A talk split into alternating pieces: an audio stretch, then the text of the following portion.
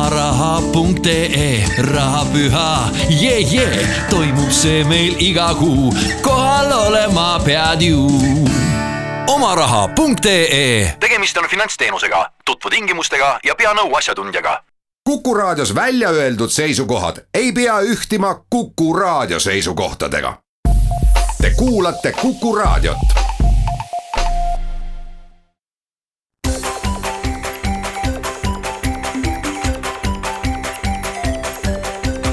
maksumaksja koostöös Eesti Maksumaksjate Liiduga. tere päevast, eetris on saade Maksumaksja, mikrofoni ees on Lasse Lehis. kõigil on kindlasti veel värskelt meeles laupäevased sündmused, ka siis kunstielamused vabariigi aastapäeva tähistamiselt või äh, autokolonn Läti suunal maksumaksjate liit küll vahetult kummaski ettevõtmises ei osalenud, kuid elasime kaasa kindlasti mõlemale ja, ja mis puudutab aktsiisipoliitika vastu protesteerimist, siis kindlasti see teema ehk huvitab meid rohkemgi kui kolmesaja tuhande euro kulutamine. Sellisele vastuvõtule, mis vähemalt oma kunstilise sõnumi osas on inimestes väga vastakaid arvamusi tekitanud aktsiisipoliitika vastu protesteerime ka meie ja mitu saadet siin juba minister Ossinovski saavutustest äh, rääkinud. no nüüd tundub, et äh, kõikvõimas reitingu jumal paneb ehk asja paika. aga mis puudutab äh, Läti autokolonni, siis kõige rohkem jäi mulle meelde Läti uudisteportaalist Delfi seal küll jah, läti keelt. Ma ei oska, lugesin venekeelset uudist, kus siis kirjeldati seda, kuidas põhjanaabrid oma ilusate autodega käisid Lätis protesti avaldamas ja päris huvitav oli lugeda, kuidas siis Läti elanikud.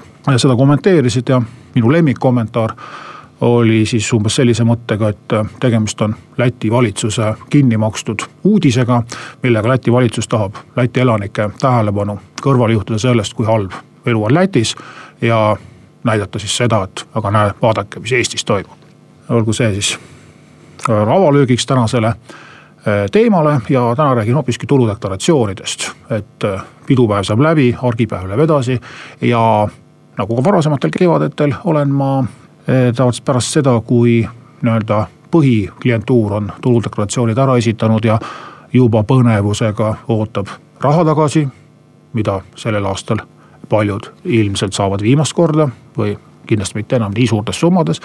siis äh, nüüd tulevad lavale uued tegijad, ehk siis need tuludeklareerijad, kellel võtab äh, tavapärasest natukene kauem aega oma tulude ja kulude kokkuarvutamine ja kellel äh, ilmselt tuleb suveks või sügiseks hoopiski riigikassale tulumaksu juurde maksta. ja mm, tegemist on siis inimestega, kes investeerivad, kes käivad välismaal tööl, kes tegelevad ettevõtlusega, ehk siis äh, nii-öelda riskialtim ja ettevõtlikum osa meie elanikkonnast. ja mm, tuludeklaratsiooni problemaatika puudutabki mm, tavaliselt just investeerimistegevust, sellepärast et äh, ettevõtlusega tegelemises on Eestis enam-vähem, enam-vähem nagu jooned maas, et äh, et selline ettevõtlusvorm nagu, nagu füüsilisest isikust ettevõtja on noh, enam-vähem nagu paigale jäänud äh, sellise suurusjärgu juurde kolmkümmend tuhat. noh, sealhulgas mõned tuhanded veel, kes äh, kirjutavad nulle, aga on äh, äriregistris mingil neile teadaoleval põhjusel ikkagi veel ettevõtjana kirjas ja ülejäänud mass siis kasutab osaühinguid oma äri ajamiseks. ma usun, et nad kõik eh, enam-vähem suurepäraselt teavad, miks nad sellise valiku on teinud ja, ja seetõttu minu õpetussõnu ja manitsusi väga ehk ei vaja, aga selline probleeme ja, ja, ja ootamatusi valmistav koht on siis just sellised tululiigid, mis ei kvalifitseeru ettevõtluseks, aga kus on üht-teist nagu sarnane ja üht-teist nagu mitte. et räägime näiteks korterite väljaüürimisest, räägime metsa või maa müügist, üürimisest, laenu andmisest, väärtpaberitehingutest, krüptorahast, ühisrahastusportaalidest, mis füüsilise isiku puhul nagu ettevõtluse muuta välja ei anna, aga lähevad ka natukene kaugemale kui sihuke tavapärane äh, kellast kellani tööl käimine ja igakuine palgatulu saamine. esimene asi siinjuures on loomulikult see, et millised investeerimistegevusest saadud tulud üldse kuuluvad maksustamisele, millised mitte. siin otseselt ju midagi seaduses muutunud ei ole praegu me deklareerime ju kahe tuhande seitsmeteistkümnenda aasta tulusid. kahe tuhande kaheksateistkümnendal aastal on üks suurem muudatus siin tulemas, nimelt pangahoiuse intressid muutusid maksustatavaks ja neilt peetakse tulumaks kinni. ehk siis erilisi keerukaid probleeme deklaratsiooni täitmisel nad kaasa ei too, küll aga annavad mõtteainet, et kuidas oma tegevust edaspidi oskuslikumalt planeerida. aga uus teema, mis meil tuleb nüüd järgmisel kevadel tulude deklareerimisel, aga pigem võib-olla juba jooksva aasta sees selle peale mõtlemisel, kuidas ja millal midagi osta, midagi müüa, midagi, mingeid investeeringuid teha, jätta tegemata või kombineerida kuidagi varasemaga võrreldes teistmoodi. siin on tõesti uued väljakutsed, jälle meie palju kiidetud ja rohkem küll vist kirutud, viiesaja eurone valemiga vähenev maksuvaba tulu. asi on ju selles, et ka kõik investeerimistegevusest saadud tulud, olgu nad dividendid, olgu nad äh, siis kasuvara võõrandamisest äh, pensionisambad, äh, pangahoiuse intressid, korteri üürimine. Need kõik tekitavad tulumaksukohustuse ja vähendavad maksuvaba tulu. ehk siis nad mõjutavad meie maksukoormust nagu kahe koha pealt topeltmaksustamiseks seda nimetada ei ole korrektne. aga nimetus polegi oluline, oluline on lõppkokkuvõttes rahasumma, mis tuleb rohkem või vähem maksta. ja eks see on nüüd mõtlemise koht, et kui meie selline poolastmeline või kuidas öelda siis, mitteastmeline, astmeline maksusüsteem sellisel kujul jätkub või veelgi enam, kui ta läheb ka päriselt progresseeruvaks, nii nagu nii mõnigi poliitik seda unistab, siis on kohe mõtlemise koht, et kas on üldse õiglane selliseid investeerimistulusid äh, aastatulu valemisse sisse võtta, mis toovad kaasa siis äh, tavapärasega võrreldes kõrgema maksukoormuse. ja asi on selles, et teatud investeerimistegevus on regulaarne. no pangahoiusel saan iga aasta mõned sendid, noh, need ei tapa. aga ka dividende näiteks ei pruugi, on selliseid ettevõtteid, kes maksavad iga aasta dividende. on selliseid, kes teevad seda ükskord kümne aasta jooksul. ja veelgi enam, kui ma müün näiteks kinnisvara või müün oma elutöö ettevõtluse käigus aastaid, aastakümneid üles ehitatud osaühingu maha, siis mul tekib ühes kalendriaastas väga suur sissetulek, mis tegelikult on akumuleeritud väga pika aja jooksul. ja siin on nagu mõtlemise koht, et kas siis tuleks võib-olla ka see tulu jagada pikema perioodi peale või üldsegi nendest kõrgema maksumäära või, või väiksema maksuvaba tulu valemitest välja jätta. sest kui seadus seda ei tee, siis hakkavad inimesed seda ise tegema. me, me hakkame oma pangahoiuseid laste nimele kirjutama, me hakkame öö, oma pensionifondi osakuid müüma jupikaupa öö, igas aastas väikses summas. teatud asju on, on lihtne teha, teatud asju natuke keerulisem, kinnisvaratehingut tükikaupa iga kord ei saa. Äh, siin tuleb ettevaatlik olla, et kes nüüd väga äh, laialt asja ette võtab, et äh, meeles pidada ka tehingukulusid, eriti kui on vaja notariaalseid tehinguid teha. aga tõesti, et tuleb hakata mõtlema õigesse aastasse oma tehingud ajastada. samuti, kui meil on viiesaja eurone maksuvaba tulu alates sünnist kuni surmani, lastel, pensionäridel, mittetöötavatel noortel ma ei tea, kasvõi kinnipidamiskohas istuval sugulasel, siis kiusatusi kindlasti tekib väga paljudel maksumaksjatel.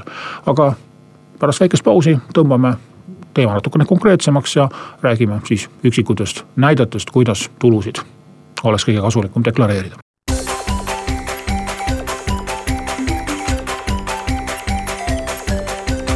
maksumaksja koostöös Eesti Maksumaksjate Liiduga saade Maksumaksja jätkab, täna räägin sellest, kuidas tuludeklaratsiooni täita eh, inimestel, kes lisaks palgatulule või lausa selle asemel eh, teenivad tulu eh, mitmesugust liiki investeeringute pealt ja ei ole veel jõudnud äratundmisele, et, et peaks osaühingu kaudu seda asja ajama, vaid just füüsilise isiku tuludeklaratsioonis siis oma tulusid ja kulusid kirja panna. ja esimene probleem ongi või põhiline probleem ongi seotud sõnaga, sõnaga kulu. nimelt meie tulumaksusüsteem on mõnes mõttes äh, siiski ajale jalgu jäänud, ehk siis turumajandus ei ole veel igale poole jõudnud, nimelt väga paljude tululiikide puhul seaduskulusid ei võta arvesse ja eks me oleme otsapidi tulnud sealt, kust me tulime ja tõesti olid ajad, kus raha hoiti hoiukassas. palgapäevast palgapäevani elati ja ei olnud väga vaja nagu pead vaevata selle üle, et keegi ostab siin noh, räägime sellest mingist krüptorahast me ei teadnudki, aga et keegi tegeleb siin omal käel valuuta vahetamisega, keegi siin äh, askeldab äh, kaugete maade börsidel, äh, võtab pangast laenu ja selle laenust ostab korteri ja ei hakka seal korteris ise elama, vaid annab üürile.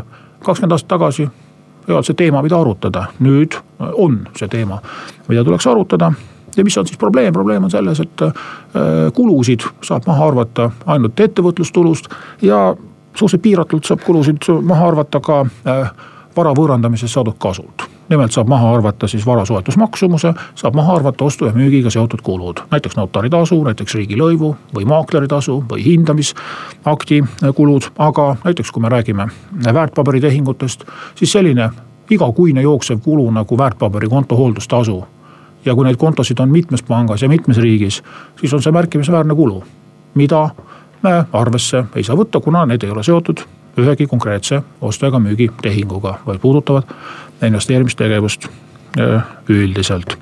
või kui te maksate laenuintresse ja äh, laenuraha eest ostate väärtpabereid või kinnisvara, siis äh, neid intressikulusid ettevõtjana tegutsedes saab maha arvata füüsilise isiku tavalises tulumaksu arvestuses arvesse ei lähe. või valuutavahetus, kasumid lähevad arvesse, kahjumid ei lähe arvesse. samamoodi kõik need moodsad krüptorahad äh, kasumid lähevad arvesse, kahjumid arvesse ei lähe, et riik mängib nagu väga ühte väravasse ja pidevalt tuletab meelde, et tavaline tööinimene ei tegele haltuuraga. ehk äh, kui tahad äri ajada, siis registreeri FIE-ks või asuta osaühing. Äh, kohe olgu öeldud, et FIE vorm kindlasti ei sobi väärtpaberitehingute või muude finantsoperatsioonide jaoks, sest äh, sellisel juhul tuleb hakata kasumilt ka äh, sotsiaalmaksu maksta, mis muudab äh, sisuliselt nagu palgatuluga võrdseks kogu selle teenitud kasumi, sama ka korterite üürimise puhul. nii et loo moraal ongi tegelikult lihtne, tuleb endale selgeks teha, millisest piirist ehk millise nii-öelda kulude äh, mahu pealt on kasulikum oma tegevus üle viia osaühingusse või võib-olla teatud juhtudel äh, ka FIE vorm sobib. riik ei tule siin appi ega nõu andma, vaid võtab lahkelt kõik äh, tulumaksu vastu. ja kuna õnneks Eestis on osaühingute asutamine tõesti noh, võib öelda võib-olla, et maailmas kõige lihtsam. ei, ei, ei oska täpselt võrdlust tuua, aga noh ikkagi üsna lihtne, siis õnneks on see probleem praktikas realiseeritav, teoorias jääme kindlasti selle üle äh, arutama. et äh, tõesti meie lihtne maksusüsteem, nii-öelda bürokraatiavaba äh, maksustamine teatud juhtudel võib olla lihtsalt ebaõiglane. kui väga paljude tululiikide puhul suhtutaksegi inimesesse justkui nõukogudeaegsesse haltuura tegijasse, kellel on justkui töö juurest kõik tööriistad ja vahendid tasuta käes ja ongi ainult tööraha, millelt kakskümmend protsenti maha võtta.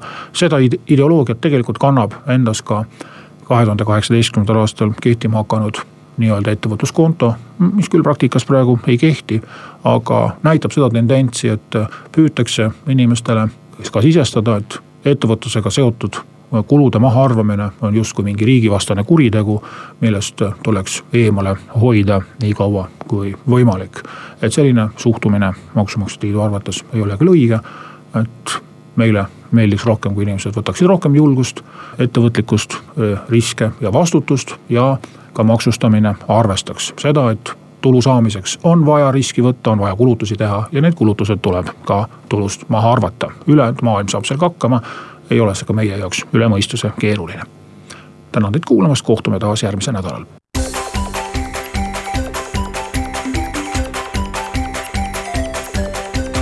maksumaksja koostöös Eesti Maksumaksjate Liiduga